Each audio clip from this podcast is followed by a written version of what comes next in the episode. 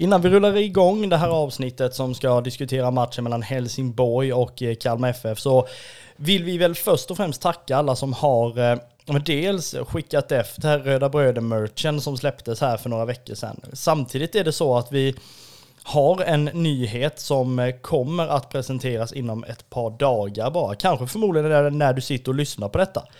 Vi vill i alla fall uppmärksamma alla som dels har beställt eh, vår merch och som går i de tankarna. Håll koll på de sociala medierna för vi släpper bomb om bara ja, men ett par dagar och det här är någonting vi är väldigt glada för och hoppas ni också ska ja, men uppskatta lika mycket som vi gör det framförallt.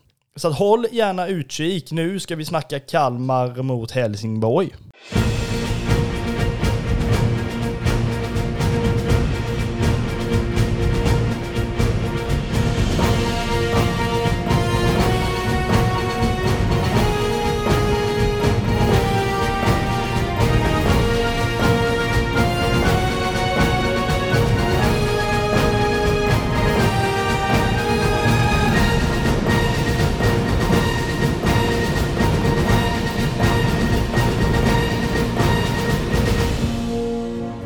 Röda Bröder Podcast är ju tillbaka i vanlig ordning eh, efter nu då matchen mellan Helsingborg och Kalmar FF. Vi eh, sa ju under förra avsnittet att är det någon som ska bryta en trend så nog fan bryts den emot Kalmar FF. Det brukar ju alltid se ut så. Framförallt lag som ligger rejält tattigt till om vi nu ska använda det uttrycket. Det här var ju, ja men Helsingborg för det första.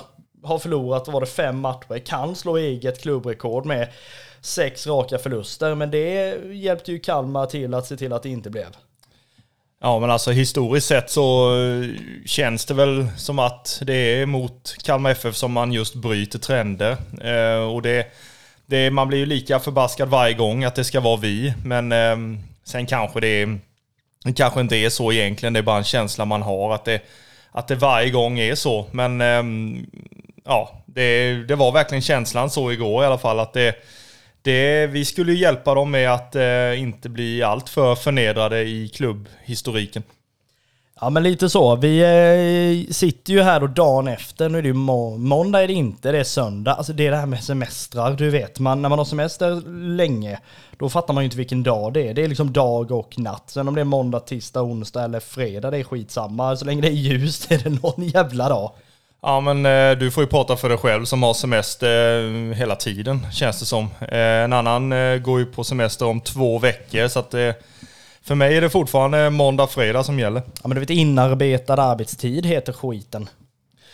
Ja, det, vi, det får bli en annan podd där vi diskuterar det kanske men men ja, det, det är väl skönt för vissa som, som har semester. En del sparar på den lite och, och ser fram emot den. Ja, men lite så kan man ju tänka. Sen om vi vi, vi måste väl ändå liksom vidröra det här innan vi går in och förmodligen blir förbannade när vi ska prata matchen igår så kan vi ju dra den här andra grejen. Det har ju gått en, eh, men, eh, någon form av liksom beef på eh, framförallt Twitter då ju som är, alltså det, det är underhållning bara det. Alltså vi har ju pratat om att jävligt självgott så här då att Kalmar-supportrarna är de charmigaste i hela liksom, ja men hela Sverige. Och visst, det kan vi väl ja, men väldigt så här med hybris i rösten säga att vi är ju faktiskt det. Men när man då läser på de sociala medierna hur ja, men det i princip eh, ja, men väldigt komiskt sett eh, nästintill intern box om kroppkakor. Ja, bara ämnet får väl de, de flesta supportrarna från andra lag som lyssnar på det här att eh, eh, småle en aning. Eh, det är ju väldigt, väldigt stort här nere, kroppkakor och diskussionen om eh, vilka tillbehör man ska ha till det. Eh, den eh, diskussionen pågår väl ständigt egentligen, men det är ju eh, blev väl ganska påtagligt på, på Twitter eh, när, eh, jag tror det var Kalmar-knegan som eh, började med det. Eh, lägga upp en bild att han satt och åt just eh, kroppkakor på ett ställe på Öland. och och då hade han smör, grädde och lingon och det fick ju hälften av eh, KFF Twitter att eh, ja, explodera är väl att eh, ta i lite.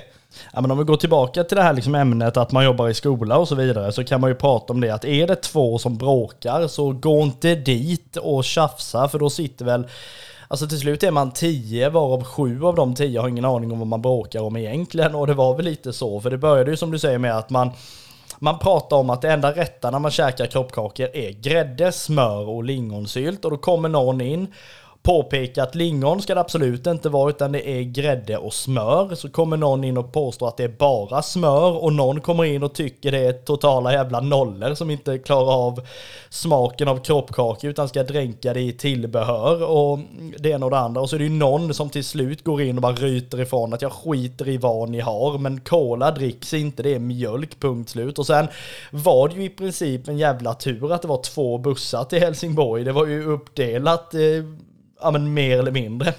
Ja men smörbussen och eh, lingonbussen var de väl, eh, eh, vad heter det, benämnda med eh, i, under resans gång dit. Eh, det fanns ju lite, lite rykten om att det skulle bli någon form av uppgörelse. Eh, det blev det ju inte. men eh, någon diskussion eh, har ju faktiskt fortsatt att pågå. Jag vet inte om den kroppkakediskussionen kommer att eh, dö ut fullständigt, utan den kommer nog, kommer nog fortsätta ett eh, bra tag framöver. Eh, det här är ju, det är ju så roligt som man håller på att smälla av, men eh, eh Alltså, jag eh, står ju i en ringhörna och eh, som oftast så står ju du i den andra ringhörnan. Eh, och det är väl så just i detta fallet också va? Vi är väl inte helt överens när det gäller den saken. Nej men lingonsylt nu är ju något jävla otyg som man liksom av någon anledning har börjat äta till allt. Liksom. Det, ja, jag fattar inte det för det första överhuvudtaget. Det, det är liksom inte gott någonstans. Och jag menar, Grädde ska det ju vara, det bara är så. Och liksom smör alla dagar i veckan, det gör ingenting. Men alltså no någonting som bara pajar är ju att man har de här förbannade lingonen på. Det kan liksom, jag kan köpa att det ska vara till ja, men, all möjlig annan jox, men jag menar, nej, gränsen är väl ändå nådd, eller då? Nej, absolut inte. Alltså det här är ju, det är ju en smakupplevelse och en smakupphöjare att ha att ha de här tre ingredienserna som liksom kompletterar varandra ganska ypperligt skulle jag säga. Alltså, jag är ju ett stort fan av lingon i, i största allmänhet. Det kan jag ju äta till, eh, till det mesta alltså. Eh, och det, mm, det gör ju ingenting. I detta fallet så ska du ju verkligen vara med. Så att, eh, alltså din, din kritik mot detta är ju katastrofmässig. Men vi kommer ju på något sätt att ha, det fattar ju ni som lyssnar nu, det kommer ju sluta den här säsongen med att vi har tre individuella jävla poddar om Kalmar FF istället. Istället för att ha en gemensam där tre bröder pratar liksom. Det kommer ju bli ja men det står varsin sida om eh, liksom ståplatssektionen eller sådär. Men det, Nej, det är ju inte, nej, vi, vi lär ju inte enas om det här överhuvudtaget heller tror ja, jag. Det är, det är, inte mycket vi kan enas om egentligen, men eh, definitivt inte detta. Alltså, du får inte mig att inte äta kroppkaka ehm, utan lingon. Det, det, det finns bara inte. Det, den ringhörnan står jag i och jag vet att det finns många på, eh, på Twitter, rödvita supportrar som, eh, som håller med mig. Och det finns ju de som håller med dig också, men men eh, vår sida är ju de som har rätt, eller hur? Nej, alltså rätt eh, ska jag nu säga, det är ju extremt alltså, hårt ord. Jag kan ju säga man kan göra fel på många olika sätt och det visar väl bara, ja, men vi, ja en stor del av Kalmar-supporterna är extremt bra på att skapa stämning, på att skapa hets inför matcher, men någon jävla mästerkocks epitet kan ju ingen utav dem slänga upp tror jag inte, när man ska prata lingon till kroppkakor. Nej, jag vet inte. Vi lämnar väl det här eh, extremt eh, hastigt innan vi liksom river av det här avsnittet ändå. Ja, men jag vill bara tillägga att eh, det finns ju mm, supportrar, och man har hört vissa supporterpoddar också, som eh, tycker att eh, Kalmar FF-supportrar inte syns och inte finns överhuvudtaget. Eh, speciellt på de sociala medierna. Men då skulle jag ju vilja att man går in då på Twitter, alltså dagarna innan matchen mot Helsingborg och så så hela flödet är ju bara rödvitt liksom. Och, och att det inte gäller fotboll denna gången utan det, det ska gälla en, en maträtt. Eh, det är ju ännu charmigare att vi har tagit steg även ut i den svängen. Ja men vi kan ju säga så här med, vi eh, inleder ju själva avsnittet med att vi är glada att folk har köpt våran ja, men merch då till Röda Bröder och våran liksom ja, extremt lilla supportergruppering kan vi, kan vi väl ändå säga. Men just det här att när vi ändå pratar, han som drog igång den här beefen då med den här kroppkakbilden, som då på Twitter heter Kalmarknegaren, jag tror vi benämner han så så länge. Han har ju också en eh, ja, men merch shop och är ju extremt bra på det här. Dels med ja, men, loggor och sen ja, men, skapa olika typer av liksom, med supportartiklar. Han får ju på något sätt släppa någon liksom Lingonberry Ultras eh, kollektion. Och gör han inte det, oavsett om han gör det eller inte, gå in och kolla där. Gå in på Google, sök, vad är det, 1910 My Spreadshop någonting. Gå in och sök på det. Så hittar ni skitbra faktiskt merch när det handlar om ja, men, supporterrelaterade grejer till Kalmar FF som föreningen inte har sett på år och dag kan jag säga. Ja, eh, sen så är det ju så, eh, Supportunionen hade ju också merch, eller har väl merch fortfarande att sälja. Eh, det hade de ju förra året också. Eh, så att eh, det är ju, det finns eh, att köpa om man vill ha supporter supporterartiklar på det viset. Som inte är liksom föreningens eller det är föreningens märke. Det är givetvis det, det vackraste fortfarande. Men, men om man vill ha lite mer supporteraktigt så kan man kolla på um, våra grejer och på mm, um, Kalmarknegans till exempel och Supportunionen. Ja men verkligen, jag menar även om vi alltså, naturligtvis säljer grejer för att göra det vi kan göra fortfarande. Jag menar, köp av de andra, herregud det går till bra grejer. Dels till tifo-verksamhet och ja, men, läktarverksamhet överhuvudtaget. Så det är i, i den svängen är vi alla kollegor oavsett och inga konkurrenter där överhuvudtaget. Köp av alla, kan vi säga så? Ja, köp bara för fan, det är det som gäller. Men några vi är konkurrenter emot är väl de som vi ska tugga lite om nu, nu då istället.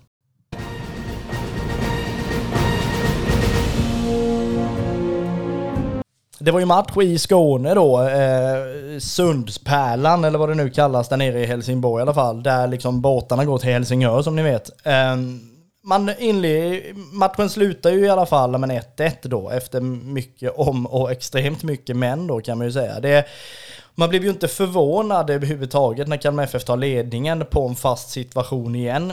Och där kan man ju liksom se det på ett sätt. Antingen kan man se det som att vi är tillbaka 2004 och bara gör mål på fasta situationer.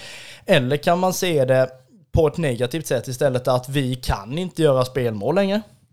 Ja, men jag skulle vilja se det lite från båda hållen. Eh, det har ju varit, eh, vad ska man säga, eh, sen Victor Elm slutade så tycker jag inte vi har haft någon riktig att slå de här hörnerna och frisparkarna på och göra mål genom det. Nu har vi Sätra som har visat att han att han eh, kan nå lika högt som eh, Tobbe C. Och det, det är inte dåligt liksom. Så, ja, alltså... Sen är det ju så att vi behöver göra spelmål också såklart. Eh, för att kunna avgöra matcher och kunna vinna. Men det har vi ju gjort samtidigt denna säsongen så att jag är inte jätteorolig överhuvudtaget på den biten. Men kollar vi matchen igår så kändes det ju lite trögt offensivt. Eh, och då, då måste det ju till kanske något mål på, på fasta situationer istället. Så mm, ja, jag är lite, lite tudelad men jag är inte orolig. Nej men det är man ju inte riktigt, men alltså Sätra då som gör det jättebra, han gör ju mål då, det, är ju det vi menar liksom. Sådär. Han gör ju ändå två mål nu på två matcher, det är ju extremt bra.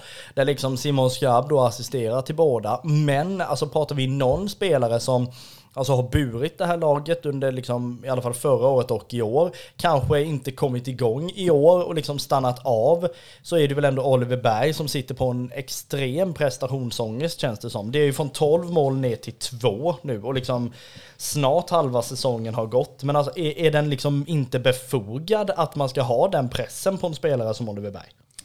Ja, med tanke på förra året så, så har ju förväntningar och eh, alltså, ja, förväntningar ökat på Oliver Berg och på hela laget i sig. Att man ska um, göra en minst lika bra säsong som, som förra året utan att man ens tänker på de tidigare säsongerna. Det, det speglar ju rätt mycket supporterskapets alltså charm egentligen, att det är lite av och på bara, det finns inget mellanting. Och när det gäller Oliver Berg så är det ju likadant, att man vi har varit bortskämda förra året, eh, speciellt eh, med hans briljans och hans, eh, alltså förmåga att eh, styra och ställa där ute, både offensivt och defensivt. Eh, han, är, han är lagkapten när eh, Erik Israelsson inte spelar och det är ju helt befogat att han ska ha binden på armen. Det tycker jag är en självklarhet. Eh, han leder laget ute på planen och han, han han eh, liksom är ju delaktig i, i spelet. Det, det är ju ingen skillnad i sig, men att liksom eh, poängproduktionen har eh,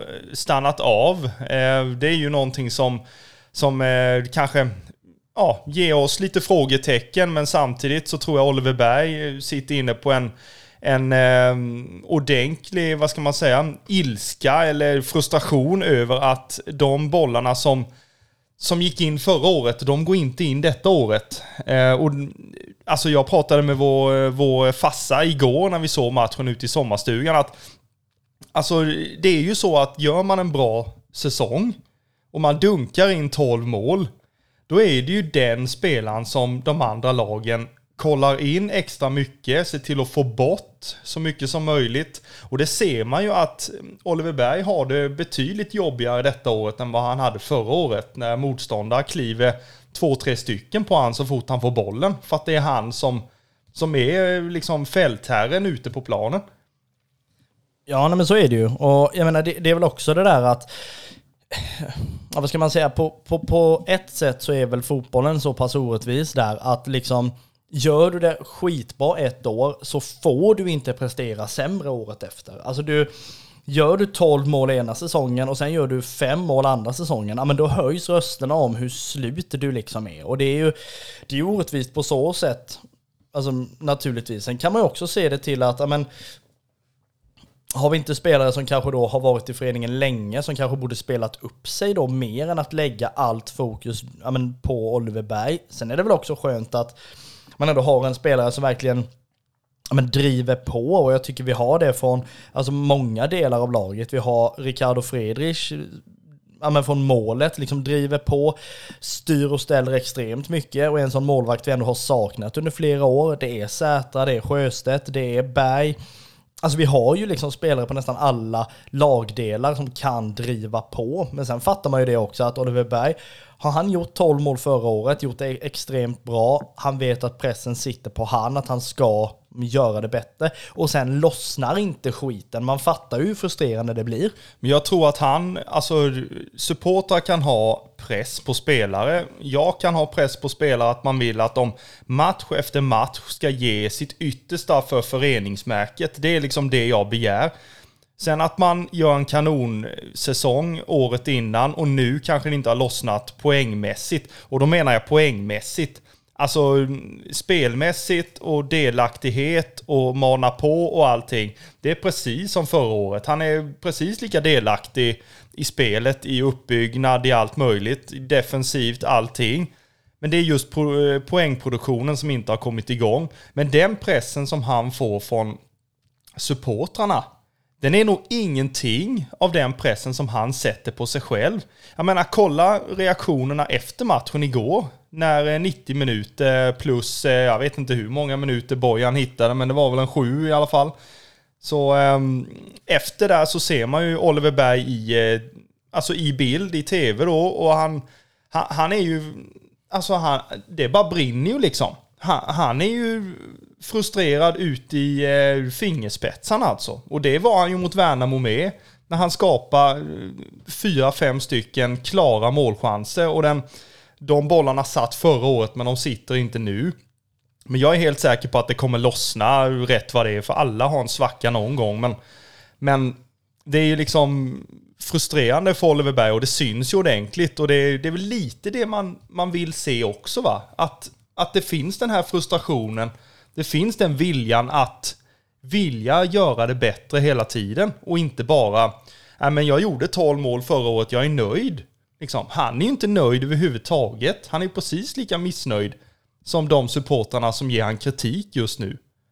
Ja men sen är det ju också så här, jag menar det handlar inte bara om att en, en spelare liksom ska ja, men, göra hur mycket mål som helst. Jag menar pratar vi gamla spelare, den finns det ju Alltså det fanns ju en spelare i Kalmar FF som hette Måns Söderqvist, var jättebra spelare på att ja, men, dra isär, var ingen poängspelare på det sättet. Men alltså lurade ju ut liksom, försvarsspelare så att någon annan spelare kunde komma emellan och sen sticka in med bollar istället. Och jag menar, det är väl det det handlar om nu också, att vissa spelare ska inte Alltså nu, nu låter det som att svära i kyrkan och säga att en anfallare inte ska göra mål, men det är ju liksom att meningen kanske inte är att du ska liksom göra 15-20 mål och och sådär, utan det kanske är just att du ska liksom dra isär försvararna, se till att få på dig ett par gubbar och öppna upp för de andra.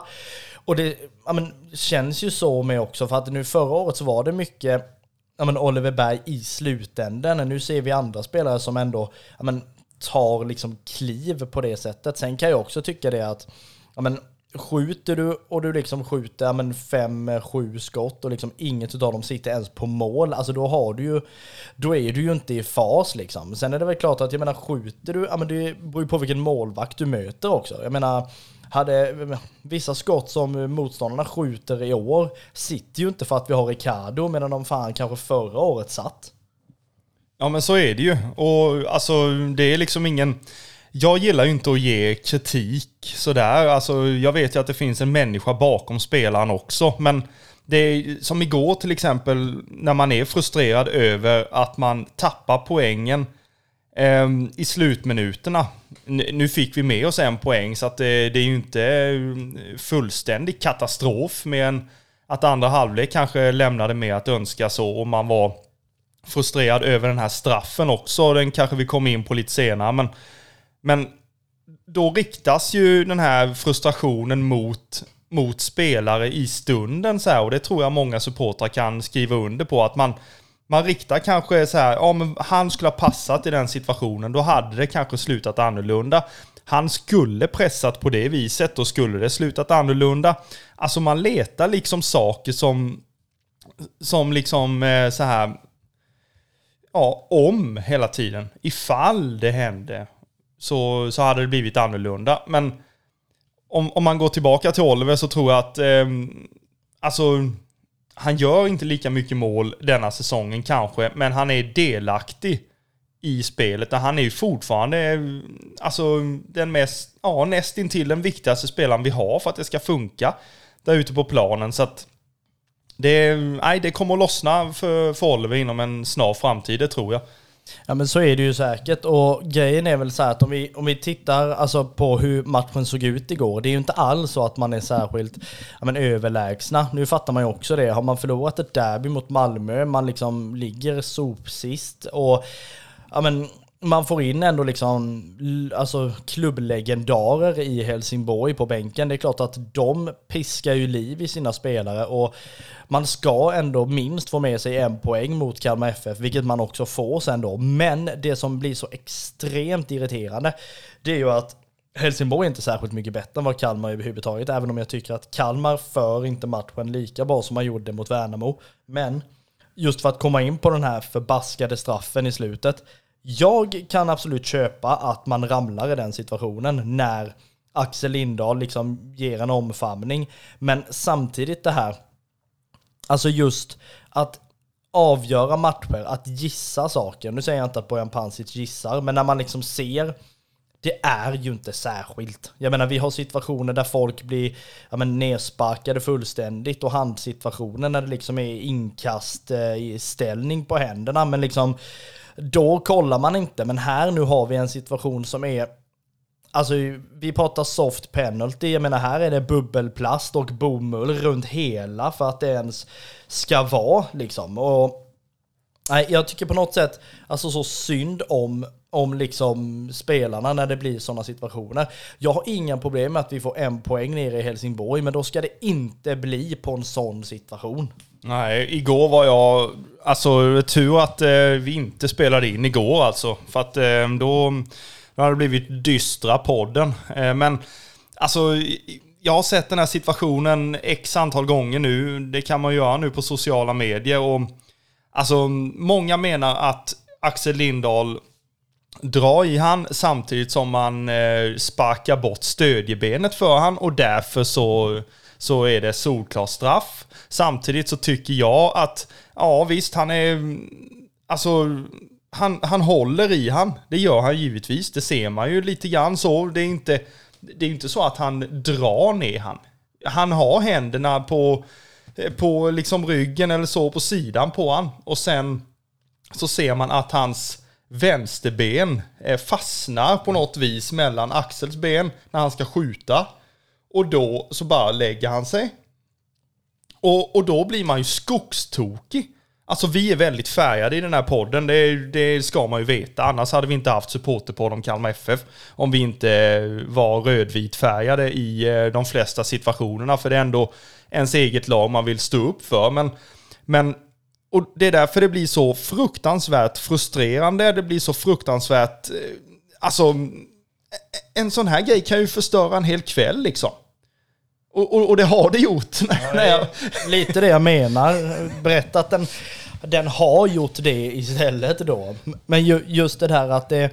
Alltså det, det är ju sånt oflyt med. Jag menar visst, jag fattar det att man hade det varit så att vi hade legat under med 0-1 hemma på Guldfågeln, det är liksom Oliver Berg på något sätt halkar framför sydostkurvan. Man hade ju skrikit så det hörs till Helsingborg för att det ska bli straff. Det är klart man är färgad så, men jag tror det är mer en frustration också att man har så många lägen och man kan ändå göra det bättre. Ändå låter man men på något sätt en situation som ändå då är ganska tveksam och billig då, att den ska ändå avgöra att tre poäng blir ett jag menar, och sen då, hade man vunnit, hade man då gått upp på tredje plats lite tillfälligt, man hade gått om Malmö. Det är så mycket det här liksom hade betytt på något sätt. Liksom. Sen är det väl också så att, jag menar, Ja, det är klart att Helsingborgssupportrarna är ju skitglada för det och vi är skitsura. Det är väl det som är charmen med fotbollen, att vissa blir glada, vissa blir arga.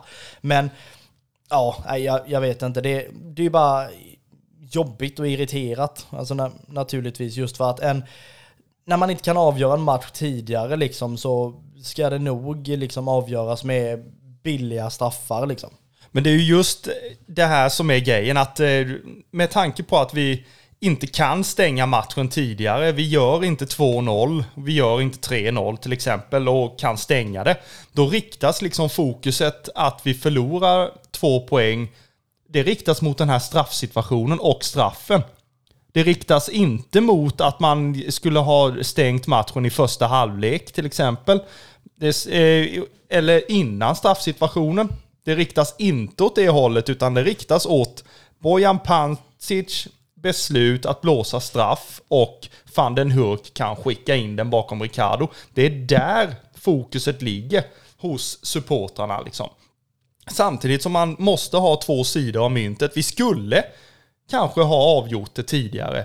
Samtidigt så är inte Helsingborg skitdåliga. De är ju inte det på hemmaplan med sin eh, stora ståplats och sina klubblegendarer på bänken som vet hur det är att spela för det klubbmärket, hur det är att spela framför de supportrarna, vad kulturen i Helsingborg handlar om.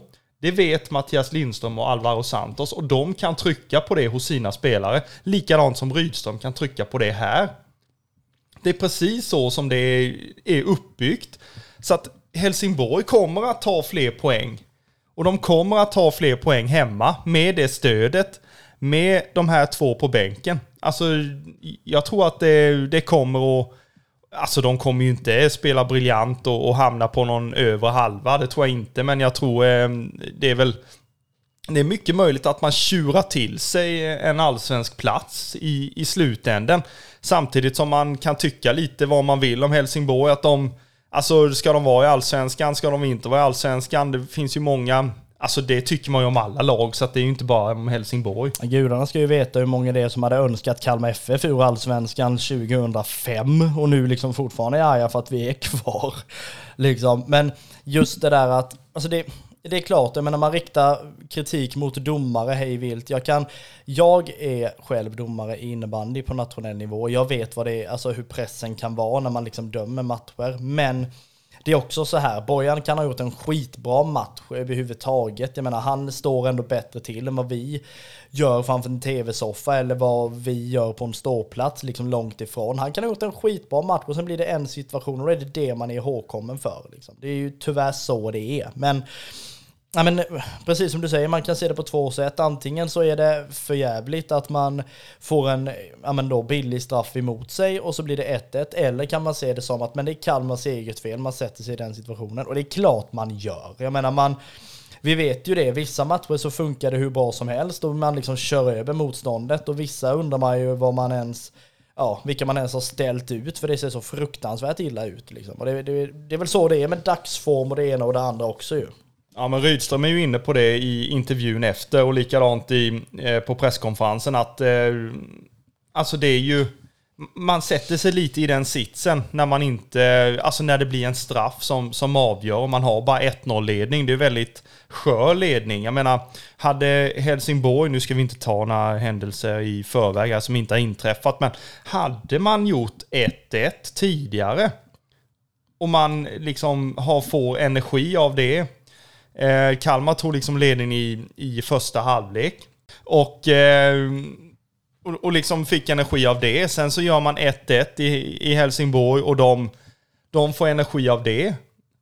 Hade det hänt innan hade Helsingborg kunnat eh, göra mm, ett mål till och kanske få med sig alla tre poängen. Det är ju inte helt omöjligt heller när det, det är ju lite det här energimässigt och det psykiska spelet på något vis, mentala spelet. Det är ju det som, som eh, det handlar om ofta.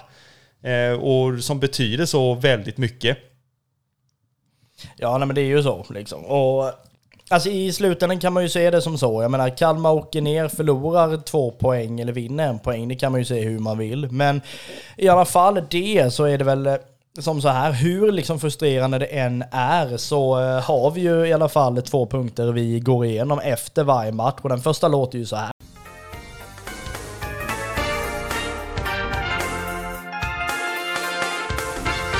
Matchens tre stjärnor. Matchens eh, tre stjärnor är det ju som sagt med en stjärna, två stjärnor, tre stjärnor och den eh, som får enda stjärnan i, ja där det är en stjärna egentligen är ju Romario. Ja, Romario, han är, alltså, jag vet inte, han gör ju fortfarande ingen dålig match.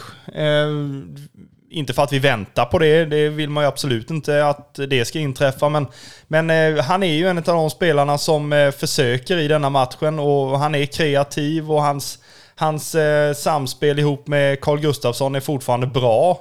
Eh, de dominerar inte på samma vis i, i denna matchen, men de, alltså, mm, de, de spelar stabilt. Ehm, och Romario bjuder ju ofta på det lilla extra också och spelar stabilt och, och sådär. Så att han, jag tycker han är, han är värd en stjärna i denna matchen.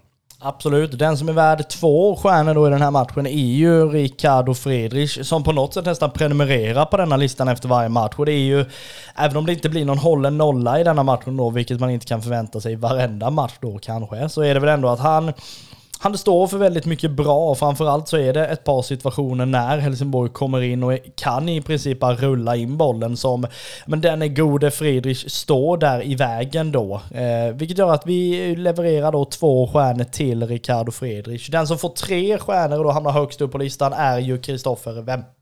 Kungen på de fasta situationerna, norrmannen Lars Sätra. Alltså, det går ju inte att tycka illa om den här killen. Eh, det är lite ett sidospår så. Han är ju väldigt, väldigt charmig och eh, Rydström beskriver ju han som en eh, balettdansös i smidighet. Och det, det visar han ju i, i matchen mot Värnamo och i matchen mot eh, Helsingborg där han eh, nickar in hörna på hörna. Eh, så att det är väl han, eh, vill man ha in någon i fantasy så är det väl Sätra man ska plocka in i alla fall när det gäller de fasta situationerna. Ja, nej, men verkligen. Det kan man ju absolut göra. Eh, fantasyn får man ju gärna kolla över, det kan man ju säga. Det är ju ett par som eh, har flyttat ifrån Allsvenskan och kommer också göra det. Så det blir intressant att se hur de eh, liksom lagen kommer att ändras framöver. Men eh, vi gör väl som så här att vi kliver in på nästa punkt. Vi har ju liksom matchens frågetecken brukar ju vara det som vi slänger in också så här. Under förra hemmamatchen var det att Ja, men kiosker stängde lite väl tidigt på Guldfågeln, vilket man blev förvånad över. Vi har ju en annan punkt som vi alltid har i de här, eh, ja, men när vi pratar ner matcher sådär. Det brukar ju vara matchens frågetecken. Vi tänkte väl så här att vi gjorde inte hemläxan helt enkelt och hittade något egentligen frågetecken till den här matchen. Men vi hittade däremot ett utropstecken som vi började prata om igår under matchen och ännu mer nu innan vi tryckte på inspelning här. Alltså vad är det för bottasiffror Kalmar levererar ändå? Det är ju liksom, förut kunde man ju vara nö- jag kommer ihåg så här, när vi var i Helsingborg, du och jag, för en herrans massa år sedan, då var vi liksom 30 pass. Alltså där nere. Nu liksom är, alltså vad var det för siffra igår för det första? Eh, SLO, eh, Måns Linge levererar siffran 225 personer på bortastå. Ja men jag menar, plötsligt så är man, alltså man, man är ju för det första tresiffriga, det är rätt bra för att vara liksom en liten förening som Kalmar FF, så storstadsklubbarna sitt ner tack. Men just att, att liksom vara ändå tresiffrigt på bortamatcherna, man är det på många matcher. Hemma, man säljer i princip slut hemmastå, som man nu börjar prata om att bygga ut en hemmastå-sektion i Kalmar, och det är inte vanliga nyheter ska ni veta. Och Att man ska ta bort stolarna i alla fall, att man eh, inte vill ha de sittplatserna jämte ståplats som innan kanske var ståplats, eller den ska vara lik själva bortastå-sektionen på Guldfågeln, ni som har varit där. Ja, men eh, lite så. Och, ja, men alltså det, det är väl ett utropstecken ändå att liksom Kalmar, alltså supportrarna finns, alltså det, det har de ju funnits hela tiden, men man har inte varit så högljudda hela tiden. Nu finns man ju extremt mycket, det är falanger runt om som åker land och rike runt. Det är hemmastå i princip utsåld vid varenda tillfälle. Det är, ja men det står inte liksom fem eh, trötta människor på bortastå längre, utan det är liksom, man fyller det gott och väl. Ja, eh, alltså bortastå i Helsingborg är väl uppdelad i tre stycken sektioner på kortsidan och man fyllde ju i princip den ena av dem. Eh, och alltså att vara högljudda i, i tvn och, och allting så att alltså Ja, alltså det är, det är ett utropstecken, det är en stolthet eh, att eh, vara supporter till, till Kalmar FF och, och dela den här kärleken med alla de som, som åker land och rike. Eh, jag har inte möjlighet att åka på alla matcher borta, men jag ser de flesta hemma. Eh, hemmamatchen alltså, på plats. Eh, men det är liksom, man känner en stolthet ändå trots att man inte åker med eller har möjlighet att göra det. Att man ser de här som åker på alla matcher. Man fyller en av de här tre sektionerna. Man hörs i, in i tvn liksom. Och det, det, är inte, det var inte vanligheterna innan. Det, det var det absolut inte. Eh, förr om åren var ju sektion E var ju, var ju välfylld de flesta matcherna. Sen så avstannade det lite, om vi nu ska prata ståplatspublik, eh, när man flyttade till Guldfågeln och blir satt i det där hörnet, gud förbjuder liksom. Men nu när man verkligen har eh, satt sig och eh, liksom blivit hemmastadda där nere på, på första etaget bakom målet på Guldfågeln så känns det som att man har byggt en, en gemenskap, en kultur, en eh, liksom gemenskap om att alla är välkomna, unga, gamla, eh, bara man vill sjunga och, och stötta laget. Eh, så det finns en, en enorm stolthet för supporterkulturen i, i Kalmar FF och det, det vill jag bara säga innan du får flika in här igen att alla de här falangerna, jag vet inte om det finns något lag som är mindre än storklubbarna som har så här många falanger som, som dyker upp hela tiden och som gör så mycket när det gäller alltså, tröjor, eh, klibber, eh, banderoller. Alltså det, vi växer. Det är det jag vill säga. Vi håller på att växa. Ja nej, men verkligen, och jag menar tittar man på, eh, ja, vad ska man säga, att eh, ja, men, precis som du säger, de här mindre lagen, ofta har du en officiell supportorganisation som du ska försöka liksom fylla så mycket som möjligt. Alltså här har du liksom ändå att alla är i princip medlemmar i den ja, men, stora supportergrupperingen. Sen är det ändå så att man är uppdelad i mindre fast alla åker liksom ihop med den här stora. Jag menar tillsammans är vi den stora. Det är ju inte så att ja, men vi Röda Bröder är en egen och sen är YCC en egen och sen är Rödmani en egen och sen är det liksom så här, det bara, det bara fyller på. Och att man då åker i olika, utan det är att de här små liksom falangerna bildar ju det här stora. Det är ju inte så att några liksom är, ja men vi är supportunionen, punkt slut, vi ingår inte i något annat liksom. Nej, vissa kanske har alltså egna falanger då i andra lag. De har ju egna bussar och åker med. De åker kanske inte med den officiella supportföreningen utan man, man har sina, sina egna resor och sina egna bussar och sånt där. Men här är ju alla är förenade under supportunionen. Samtidigt som man kanske ingår i KFF Skåne, Blekinge, Lindsdal, Östgöta, Stockholm. Unionen av supporter och av supporterfalanger. Jävla smart. Ja, så är det ju. Eh, YCC, Röd Mani och, och sådär som man absolut inte ska glömma heller. Det var fan inte så vi tänkte när vi var på det mötet 2010 i den här baracken borta på Fredriksskans och skulle bilda något supportertjosan plötsligt där och det var att det liksom lever upp till sitt namn verkligen så här, to- vad är vi nu, 12 år senare va? Nej, och det, det är verkligen en, en stolthet, det måste jag verkligen säga och, och trycka på att det är verkligen det.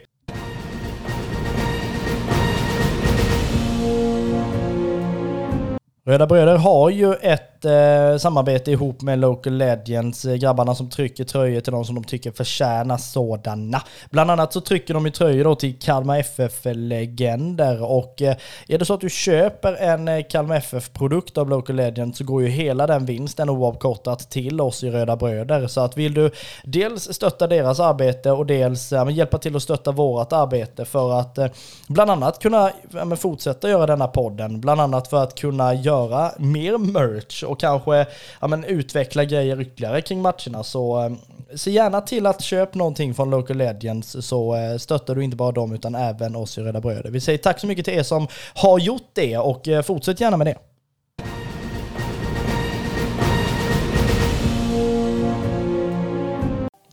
Vi går ju in och börjar prata nästkommande match redan nu där eh, Kalmar FF ska möta Sirius på eh, Guldfågeln Arena under kommande söndag, tionde tror jag till och med det är då. Eh, en match som då spelas vid 17.30 snåret där. Eh, Lite halvfaktaruta så här kring eh, Sirius är ju att hemmaplanen är ju studenternas eh, IP va? Ja men det stämmer ju. Eh, och den är ju upprustad sedan några år tillbaka. Eh, och den är, väl, den är väl rätt så trevlig va? Eh, jag har bara sett den från tvn. Ja, jag har förstått det. Det är ju någon, eh, ja men den är ju stängd den här arenan då, alltså stängd då med att den är inte öppen runt om med liksom, eh, ja, läktare och sådär. Utan den är ju stängd, rund och så vidare och eh, det är väl en två eh, etage eh, läktare på ena långsidan och sen är det ju en då runt om. Och det har också fått ett uppsving så här publikmässigt och inramningsmässigt och så vidare. Och en väldigt trevlig bortasektion måste vi ju säga. Ja men så är det ju. Eh, utan att ha varit där så, så ser det ju verkligen ut så från, från tv-skärmen. Ja men absolut, vi pratar tränare så är det ju Daniel Bäckström, en eh, ja, men, tränare som känns ganska lik Henrik Rydström i liksom tankesättet. Kommer in i den här lite nyare skolan så av, eh, av tränare där liksom de äldre tränarna, tränarna då kanske får stå till sidan lite. Pratar vi tabellmässigt ligger man på en elfte plats just nu då i eh, men, eh, den här stunden då med 14 inspelade poäng. Man har ju match under eh, eftermiddagen här mot eh, Norrköping borta då. Men eh, bästa målskytten är ju han som man bör se upp med i denna matchen. Det är ju Christian Kouakou med fem pinnar. Ja, det är ju en eh, utpräglad målskytt i, i Sirius. Eh, betyder väldigt mycket för det offensiva spelet där. Eh, har ju eh, styrkor eh, i det offensiva spelet såklart som anfallare. Eh, han är även våran, våran fokusspelare i, eh, till matchen mot, eh, mot oss. Eh, att vi, vi behöver se upp med honom för de flesta bollarna går ju genom honom och att han ska stänka dit dem. Han är ju både stor, stark, snabb och bra i straffområdet.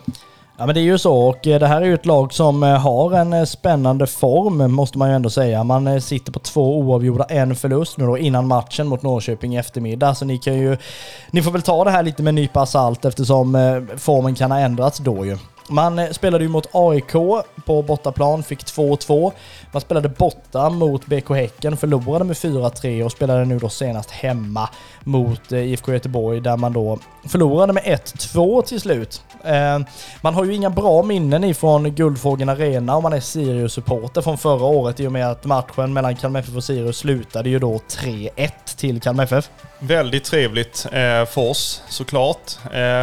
Det var ju något år där, om det var 2020 va? Eller 2019 kan det ha varit till och med, som ehm, eh, när Henrik Rydström hade gått till Sirius och premiärmatchen var mot, var mot dem på Guldfågeln. Det var ju väldigt känsloladdad match inför, tycker jag i alla fall. Och se han i, i fel färger. Men, ehm, eh, och dessutom förlora matchen. Eh, så att eh, vi hade inga bra minnen då, men vi har bra minnen från förra året när vi piskade till dem med 3-1. Jajamän, och fokusspelaren i eh, Sirius då inför denna matchen är ju Christian Kouakou. En eh, spelare att se upp med, väldigt stor, stark, målfarlig, är ju väldigt bra i djupled och håller ju sig ofta på rätt ställe när det vankas målchanser. Därför är det ju fem mål hittills.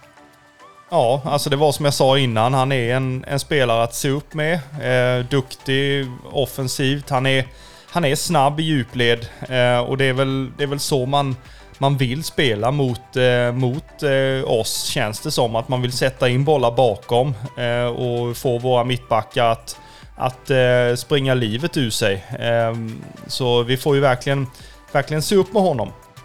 Absolut. Eh, kliver vi över till eh, Kalmar FF och tittar lite där så fick offensiven sig en extrem törn mot eh, HIF. Ehm, kan ju varit en baksmälla efter mer än det dubbla skapade i målchansen mot Värnamo. Dock är det ju så att det är en extremt viktig match, framför allt när det gäller de fasta situationerna. Men Sätra bör man lägga kanske en liten peng på att det blir ytterligare mål från han. Ja, alltså det är mycket möjligt. Eh, jag såg att det var någon som hade gjort det inför matchen mot eh, Helsingborg. Att man hade Sätra som ja, antingen första målskytt eller mm, målskytt i matchen. Så där man kan ju spela på lite olika sätt. Eh, men ja, alltså det är, väl, det är väl mycket möjligt att det är många som har fått upp ögonen för det. Och det är väl säkert motståndartränare som har sett detta och kommer lägga lägga mer krut på att kanske få bort Sätra i de fasta situationerna där man vet att de flesta bollarna går ju på den som är längst på plan och det är ju ofta Lars Sätra. Ja men det är ju så. Ehm, Samtidigt är det ju viktigt att eh, man får till spelmål i den här matchen känner jag. Det kommer ju bli en extremt spännande match och framförallt väldigt rolig. då liksom Sirius är ett ganska roligt lag att titta på ändå. Eh, på det sättet som de spelar. Det här är inget dump and chase eh, tjonga-lag utan här ska det spelas längs marken helst. Det är väl den bilden vi har fått. Ja men det är väl lite så som eh, vi kanske spelade på försäsongen 2021 när det kanske Alltså när det var ett beteende som skulle övas in, att man skulle våga spela längs marken. Eh, och inte skicka iväg eh, så fort man blir lite nervös att man har bollen. Eh, Sirius eh, har väl... Alltså de, de kanske är på väg åt, åt det hållet också och, och eh, ska bygga upp någonting efter... Alltså det är ju inte lätt för Daniel Bäckström att komma in efter Rydströms revolution i Uppsala eh, överhuvudtaget. Men han vill ju samtidigt sätta sin sin prägel på laget och på spelet och inte vara en kopia av Henrik Rydström. Det är väl inte... Det är väl inte någon, eh, alltså nu kanske man vill vara det, men inte utåt sett i alla fall. Eh, att man ska ses som en, en kopia. Men eh, alltså jag tror att det kommer bli en kamp om bollinnehavet i och med att båda lagen vill, vill ha bollen och man vill spela längs marken. Eh, så att är man en en supporter oavsett eh, vilket lag man håller på. Om man är en neutral supporter så tror jag att det blir en fin match att titta på om man gillar passningsspel längs marken och inte tjongbollar National League i England liksom. Ja, nej men verkligen. Eh, det kommer bli en rolig match. Det är en ganska bra tid ändå, 17.30 oavsett. När Kalmar FF spelar så är det bra tid, bara så ni vet. Men just att eh, match 17.30, vi hoppas ju på en bra publiksiffra återigen. Man var ju över 6000 i eh, matchen emot Värnamo och det har ju höjt sig både på ståplats och på läktaren arenan överhuvudtaget det här med eh, publiksiffror. Nu är man ju över 6000 i snitt och det ska man väl ändå vara nöjda med. Ja men alltså jag tycker att, eh, alltså mina förväntningar på publiksiffror, det, jag blir förbaskad om det är under 6000 liksom. Det, och, och den hybrisen kanske inte är så jättehälsosam att ha när, när det är en så pass eh, liten förening som, som vi är ändå sådär. Men men med tanke på hur spelet ser ut, att det är många supportrar som går på liksom tabelläge, man går på vilket väder det är. Så att det kommer väl antagligen bli skitbra väder och Kalmar FF ligger liksom bra till i tabellen. Så att det finns ju inga ursäkter att inte infinna sig på guldfrågan på söndag. Och resten av den här säsongen egentligen. För att alltså så här bra som vi, som vi spelar nu och det här spelsättet som... Alltså det är klart att vissa får lite eh, hjärtan i halsgropen ibland sådär när det när, man, eh, när det ser ut som att de inte ska spelas ur och sen sitter man där mm, på pressläktaren och småler när det, när det kommer en liten skarv så, så flyttas det två spelare och sen så är man ur pressen. Och sen så kan man bara fokusera framåt och kontra. Så att det är ju väldigt underhållande spel även att man ibland eh, har lite, eh, alltså, ångest. Så.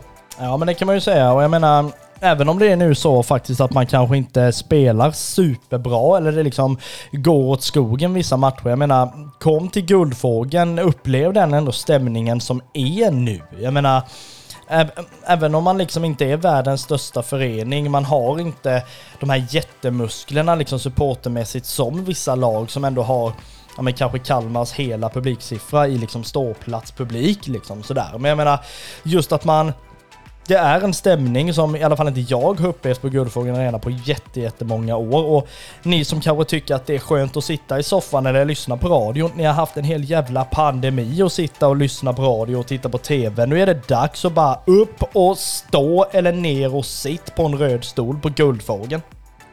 Ja, alltså jag håller med. Det är inte ofta, men eh, jag håller med i, i detta. Eh, vi har ju haft eh, ämnen i, i den här podden, både kroppkakor och annat, som, som vi inte är överens om. Men det, det här kan vi ju även liksom ta i hand på att man, man ska infinna sig på guldfrågan. Pandemin är över i stort sett. Så att det är ju bara att infinna sig och, och njuta. Det är ju semestertider och lite sånt där, så att då var vad liksom önskar man mer än att man kan lägga förmiddagen på, på stranden till exempel och sen så eftermiddagen 17.30 så går man till Guldfågeln och tittar på Kalmar mot Sirius. Ja men det är inte så mycket mer att vänta på. In och köp din plåt bara sådär så ses vi förhoppningsvis nästa söndag då när Kalmar FF tar emot eh, ja, men Sirius. Det bör ju ändå bli en ganska så spännande match och vi kommer ju här nu i, eh, ja men när vi rundar av det här avsnittet med att gå in eh, på att eh, vad är det för eh, slutresultat vi eh, tippar att eh, vi faktiskt tror att det blir i denna matchen?